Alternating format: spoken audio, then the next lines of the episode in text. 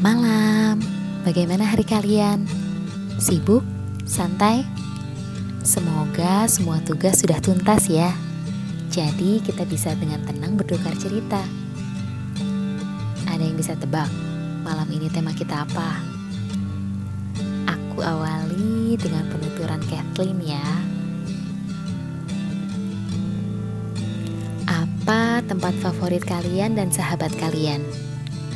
Kalau kami, tempat yang selalu jadi tujuan utama adalah coffee shop. Kami akan mengambil kursi di bagian luar. Di sana banyak pepohonan dan tanaman hijau.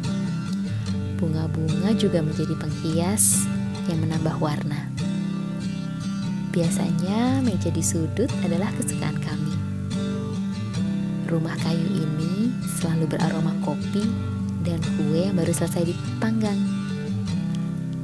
Sambil menyesap kopi dingin, kami mulai berbagi rahasia. Mengalun satu persatu. Tentu saja hanya kami yang tahu. Rahasia-rahasia ini muncul karena kami sadar semakin umur kami bertambah, ternyata hidup gak semudah itu.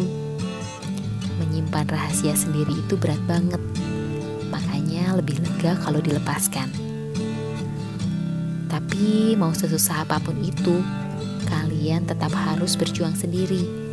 Karena ini hidup kalian. Kami pernah ada di titik paling rendah. Rasanya ingin menyerah. Menyerah sama mimpi-mimpi yang udah dirangkai sedemikian rupa. Tapi kami gak boleh berhenti. Kalian juga ya. Hidup ini diciptakan untuk terus berputar dan bukan hak kalian untuk membuatnya berhenti. Hidup ini diwarnai dengan mimpi-mimpi yang memang harus kalian kejar. Jadi, rahasia untuk tetap bertahan itu jangan sekali-kali kalian kasih diri kalian kesempatan untuk berhenti. Oke? Nah, berdasarkan tuturan Kathleen, Pasti kalian tahu dong inti bahasan kita. Ya, tepat sekali. Tentang persahabatan dan rahasia-rahasia yang ada di dalamnya.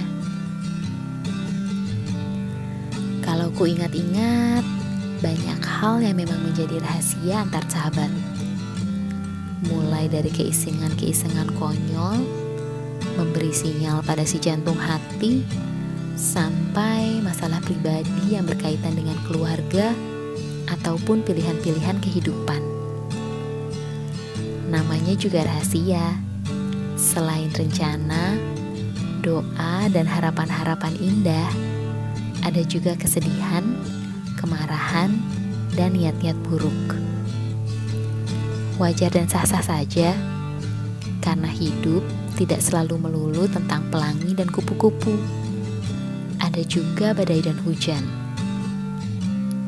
Seringnya rahasia tetap menjadi rahasia karena ia hanya membutuhkan wadah penampung pelepas beban yang pada akhirnya membuat kita bisa melihat dari sisi yang lebih terang.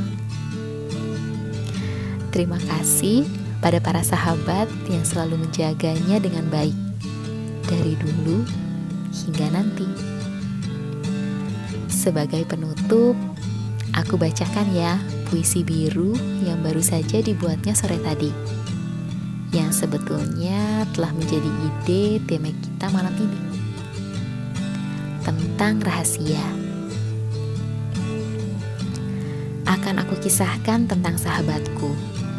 Dalam setiap perjalanannya, ia selalu membawa dua kotak yang berbeda kotak yang satu untuk kesenangannya, kotak yang lain untuk kepedihannya.